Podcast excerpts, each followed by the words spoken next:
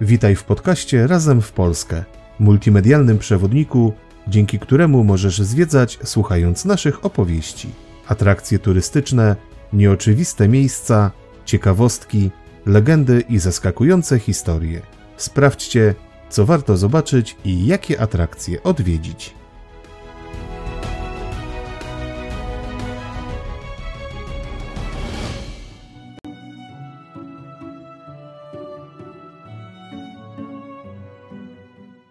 Odcinek siódmy. Trzy muzea Wrocławia, które musisz zobaczyć.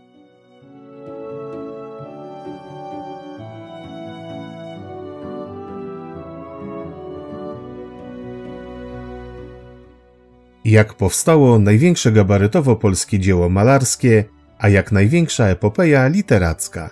Jakie skarby kryje budynek dawnego niemieckiego urzędu?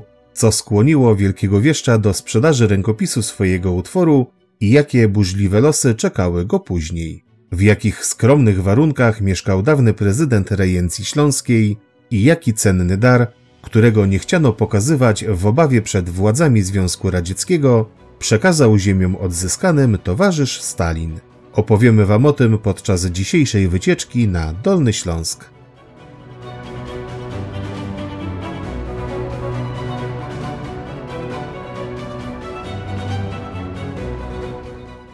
Zabieramy Was dziś ponownie do jednego z najbardziej popularnych wśród turystów polskich miast. W stolicy Dolnego Śląska, Wrocławiu, znajdziecie nie tylko piękne kamieniczki na rynku i urocze krasnale, ale także ponad 100 różnych muzeów. Wiele osób przyjeżdżających tu na krótszy okres nie wie, na odwiedzenie których warto się zdecydować. Spośród tej ogromnej oferty wybraliśmy dla Was trzy obiekty, które naszym zdaniem powinien zobaczyć każdy, kto przyjedzie do Wrocławia.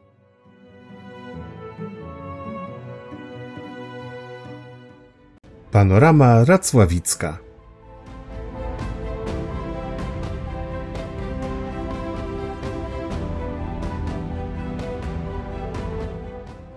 Jedną z najjaśniej świecących gwiazd wśród wrocławskich muzeów jest niewątpliwie panorama Racławicka. To jedno z niewielu na świecie dzieł cykloramicznych, czyli takich, które obejmują całą widzialną przestrzeń wokół obserwatora.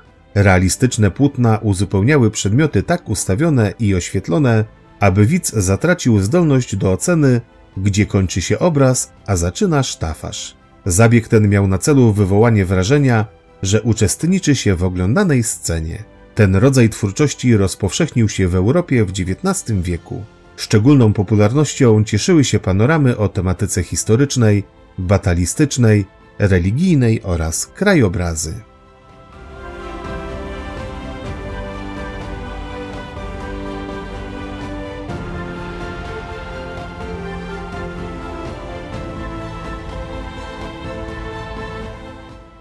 Nie będziemy tu omawiali wszystkich scen zawartych w dziele, bo to najlepiej zobaczyć samemu i posłuchać w trakcie seansu. Powiemy tylko, że panorama racławicka ukazuje artystyczną wizję przebiegu bitwy pod Racławicami, stoczonej pomiędzy powstańcami pod dowództwem naczelnika Tadeusza Kościuszki, a wojskami rosyjskimi dowodzonymi przez generała majora Aleksandra Tormasowa. Obraz przedstawia bitwę w rozstrzygającej chwili czyli około godziny czwartej po południu, kiedy to polscy kosynierzy zdobyli rosyjskie armaty. My skupimy się na historii powstania panoramy, jej dziejach i ciekawostkach, o których być może nie słyszeliście.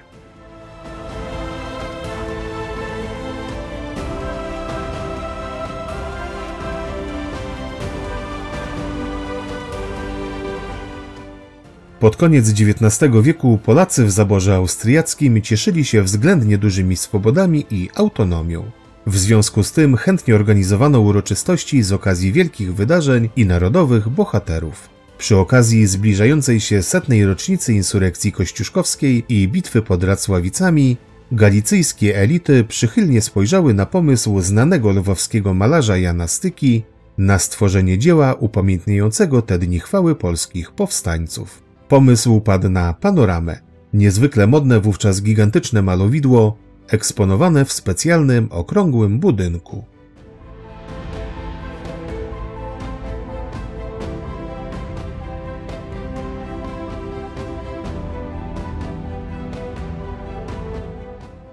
Jan Styka zaprosił do współpracy Wojciecha Kossaka, przedstawiciela nurtu batalistycznego w malarstwie oraz Ludwiga Bollera, niemieckiego malarza specjalizującego się w malowaniu pejzaży. W kwietniu 1893 roku pojechali oni na miejsce bitwy pod Racławicami, żeby wykonać szkice i pomiary, które później miały pomóc w wiernym oddaniu topografii terenu. Odbyli także tournée po austriackich i galicyjskich muzeach, gdzie obserwowali XVIII-wieczne plany bitwy i kopiowali umundurowanie oraz uzbrojenie. Po tak żmudnych przygotowaniach poproszono jeszcze o pomoc kilku innych artystów i przystąpiono do malowania na sprowadzonym z Belgii płótnie żaglowym.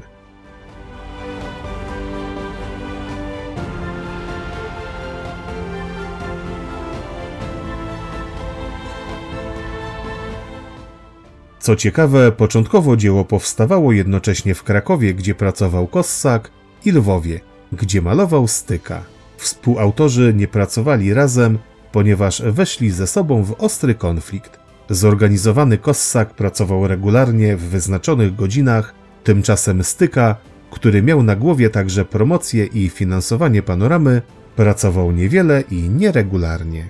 Styka często też, oprowadzając dygnitarzy, przypisywał sobie autorstwo scen namalowanych przez innych autorów. Do anegdot przeszło, gdy po którejś z wizyt oficjeli Kossak gonił stykę po rusztowaniach, chcąc go obić. Całość trafnie podsumował Tadeusz Bojżeleński w psychologii sukcesu. Malowało wielu, on na szczęście najmniej i dlatego panorama jest tak dobra.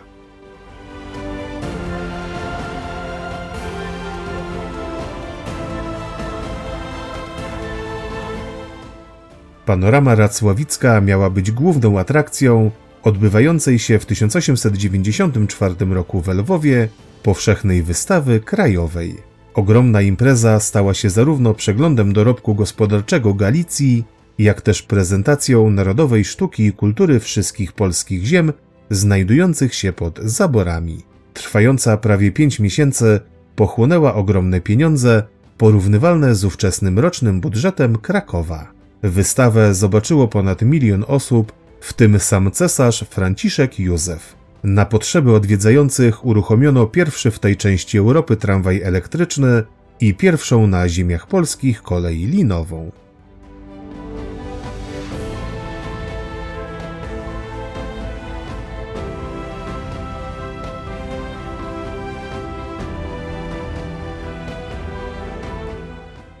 Panoramę udostępniono 5 czerwca 1894 roku. Od początku wywoływała silne przeżycia, nie tylko ze względu na jej patriotyczny wydźwięk, ale także na poczucie realności. Nieraz zdarzało się, że oglądający chcieli dotknąć bohaterów, czy zagapiwszy się nieco, uciekali przed pędzącymi końmi. Panorama Racławicka miała być dziełem sztuki promującym patriotyzm, ale także intratną inwestycją. Dla zdobycia funduszy postanowiono założyć konsorcjum akcjonariuszy oraz wystąpić o kredyt bankowy. Jej budżet oszacowano na 100 tysięcy złotych reńskich, w tym 45 tysięcy na koszty budynku, urządzenie wnętrza i sztucznego terenu, a 20 tysięcy na honoraria dla Kossaka i styki. Ostatecznie koszty wzrosły do 115 tysięcy, ale kwota się zwróciła. Kossak i Styka otrzymywali jeszcze tantiemy w wysokości 25% zysków konsorcjum.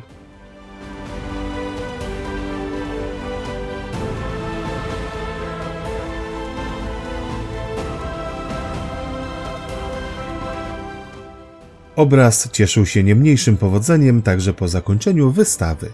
Po wkroczeniu do Lwowa Armii Czerwonej w 1939 roku był jednym z nielicznych czynnych obiektów muzealnych. Po wkroczeniu hitlerowców w 1941 panoramę zamknięto na rok, po czym otworzono ją jako jedyne muzeum w Lwowie. W pierwszych dniach czerwca 1944 roku obraz pospiesznie zakonserwowano, nawinięto na walec transportowy, zapakowano do skrzyni wraz z trutką na myszy i ukryto w klasztorze Bernardynów. Po zakończeniu wojny Chruszczow chciał pociąć obraz na kawałki, jednak sam towarzysz Stalin nakazał przekazać go Polsce jako dar narodu ukraińskiego. W ten sposób obraz trafił do Wrocławia wraz z wysiedlonymi mieszkańcami Kresów. Władze PRL nie chciały się jednak narażać Wielkiemu Bratu, wystawiając obraz przedstawiający triumf wojsk polskich nad Rosją i panorama ugrzęzła gdzieś w czeluściach magazynów sztuki.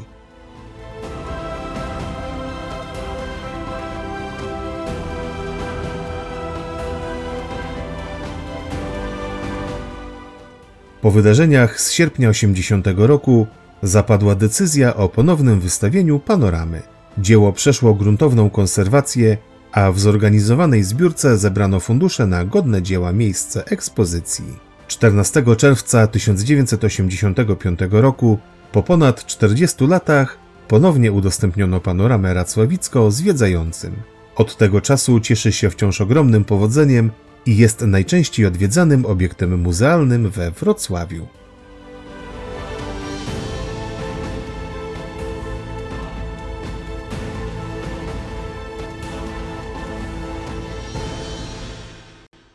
Muzeum Narodowe we Wrocławiu.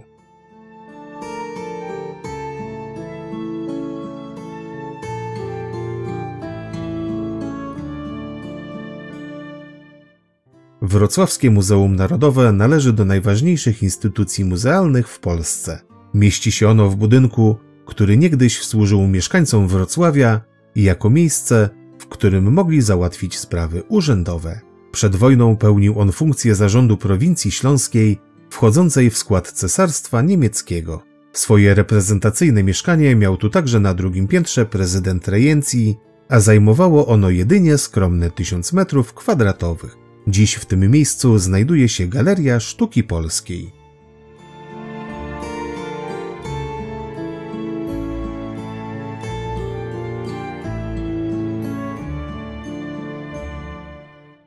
Gmach dzisiejszego Muzeum Narodowego został wybudowany w latach 1883-1886 w stylu neorenesansu niemieckiego.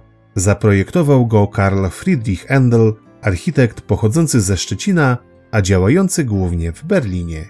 Budynek Muzeum Narodowego we Wrocławiu znacznie ucierpiał podczas II wojny światowej. Po odbudowaniu ze zniszczeń w latach 1946-47 przystosowano go do potrzeb muzealnych. Największe wrażenie po wejściu robi główny hol zadaszony świetlikiem, który sprawia wrażenie, jakbyśmy przenieśli się do wnętrza renesansowego włoskiego pałacu. Pełnił on rolę poczekalni dla petentów urzędu.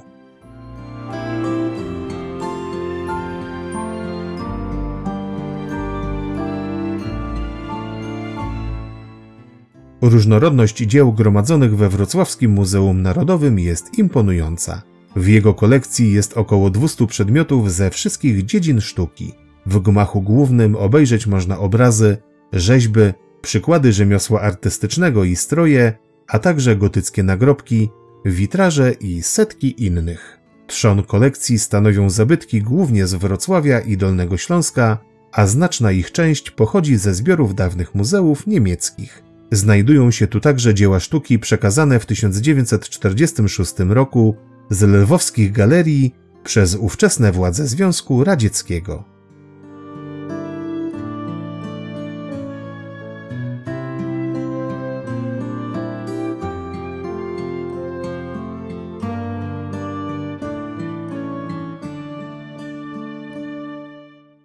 Poprzednikami muzeum było Królewskie Muzeum Sztuki i Starożytności, powstałe w 1815 roku oraz utworzone w 1899 Śląskie Muzeum Rzemiosła Artystycznego i Starożytności. Podczas II wojny światowej dużą część zbiorów zabezpieczono i wywieziono z Wrocławia. To, czego nie udało się ukryć, uległo zniszczeniu lub zaopiekowały się nimi wojska sowieckie i szabrownicy.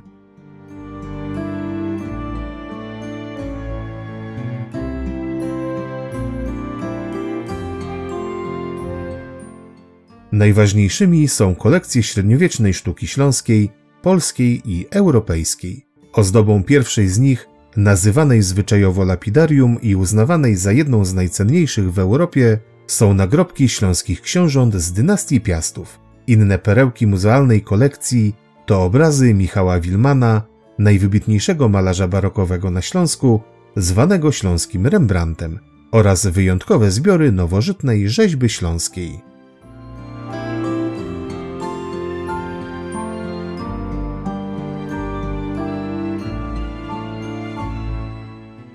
Trzon kolekcji sztuki polskiej stanowią dzieła pochodzące z Galerii Narodowej Miasta Lwowa oraz z kilku muzeów kijowskich, które trafiły do wrocławskich zbiorów w ramach rewindykacji po 1945 roku.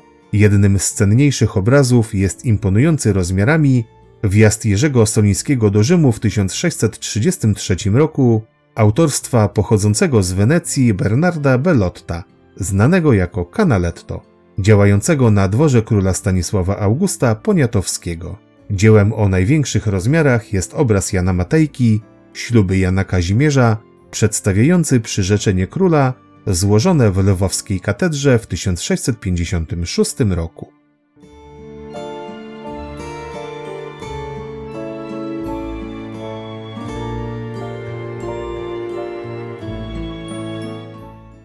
Sztukę europejską reprezentuje ponad 200 obrazów powstałych od czasu renesansu do pierwszej połowy XX wieku. Prawdziwym arcydziełem w kolekcji jest Madonna z Jezusem i Świętym Janem Anielo Brandzino, czołowego przedstawiciela manieryzmu i pejzaż zimowy z łyżwami i pułapką na ptaki Petera Brelcho.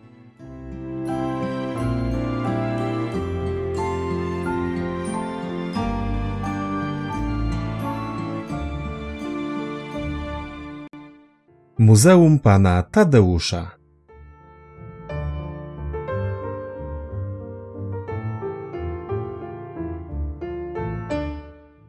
Na zakończenie naszej wycieczki po top 3 wrocławskich muzeów zapraszamy Was do odwiedzenia jednego z najnowszych i najnowocześniejszych obiektów stolicy Dolnego Śląska, mieszczącego się w kamienicy pod złotym słońcem na wrocławskim rynku Muzeum Pana Tadeusza. I nie chodzi tu o jakiegoś mieszkańca kamienicy, tylko o znane chyba wszystkim Polakom dzieło Adama Mickiewicza. W takim razie co ma piernik do wiatraka, a właściwie Mickiewicz do Wrocławia – skoro jego wiekopomny utwór powstał w latach 30. XIX wieku w Paryżu. Otóż łączy ich Zakład Narodowy imienia Ossolińskich, w którym przechowywany jest rękopis pana Tadeusza. Skąd się tam znalazł, opowiemy za chwilę, wpierw jednak parę słów o tym, w jakich okolicznościach owo dzieło powstało.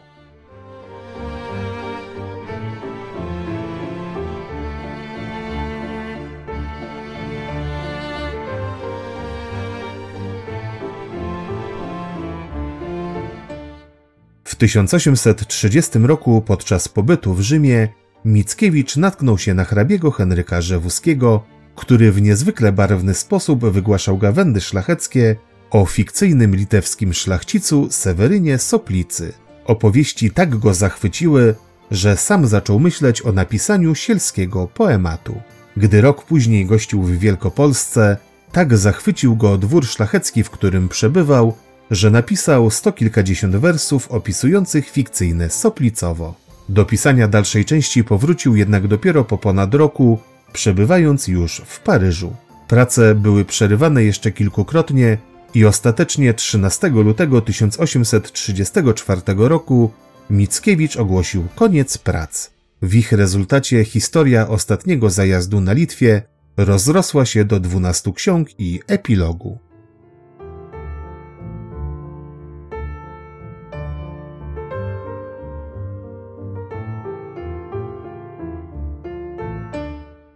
Pierwsi czytelnicy nie określili utworu mianem epopei, a wręcz wyrażali swoje niezadowolenie z powodu niewielkiej ilości podniosłego i patriotycznego tonu w utworze. Uważano, że zawiera za dużo treści sielskich i rubasznych. Pierwsze wydanie pana Tadeusza nie cieszyło się zbytnim powodzeniem i wydrukowane w trzech tysiącach egzemplarzy zalegało na księgarskich półkach. Status arcydzieła i eposu narodowego pan Tadeusz uzyskał dopiero po 1863 roku. O gdybym dożył kiedy tej pociechy, żeby te księgi zbłądziły pod strzechy, pisał Adam Mickiewicz. Autor wprawdzie nie dożył tego momentu, jednak dziś chyba każdy, jedni z obowiązku, inni z własnej woli, czytał pana Tadeusza.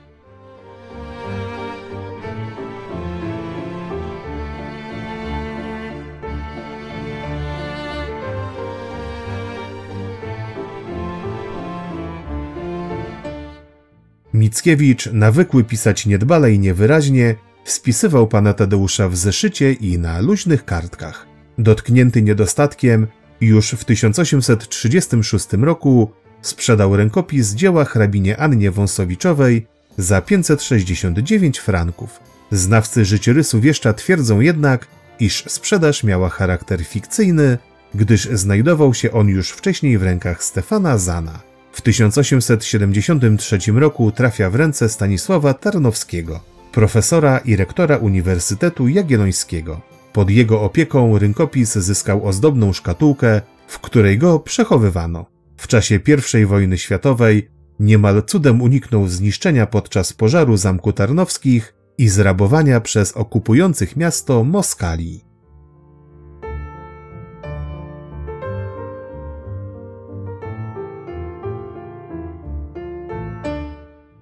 W roku 1929 Zdzisław Jan Tarnowski kupił rękopis pana Tadeusza za sumę 60 tysięcy złotych od Hieronima Jana Tarnowskiego, syna Stanisława.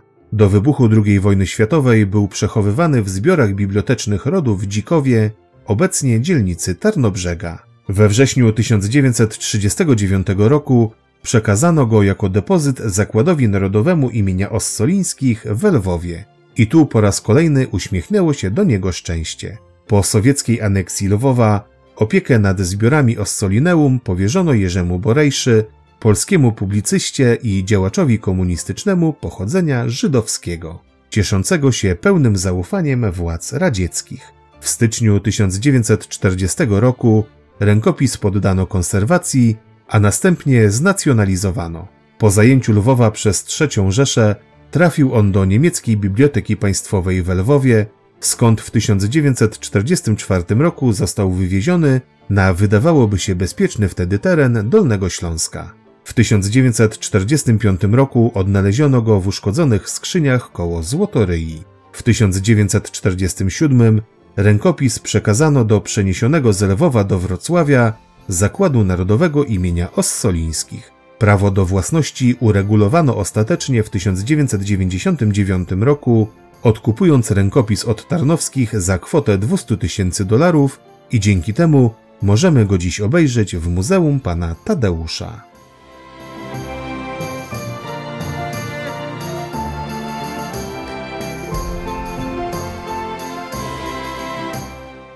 Szczerze mówiąc, podejrzewamy, że na samo hasło Pan Tadeusz niektórzy dostają gęsiej skórki.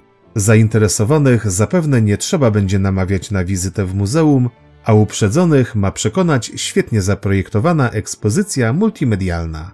Można by wręcz zaryzykować stwierdzenie, że to opowieść o wielkim dziele, nakreślona za pomocą gadżetów i skierowana zarówno do młodego, jak i nieco starszego pokolenia Polaków. W 17 salach ekspozycyjnych zgromadzono 200 zabytkowych eksponatów, 100 gier, aplikacji i elementów animacji.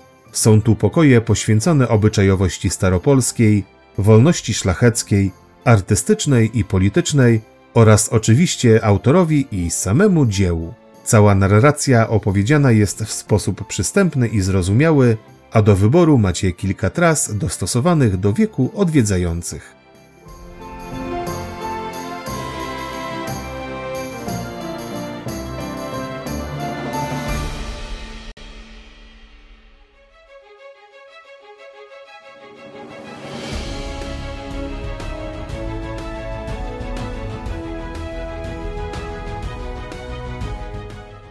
To już koniec naszej dzisiejszej audycji.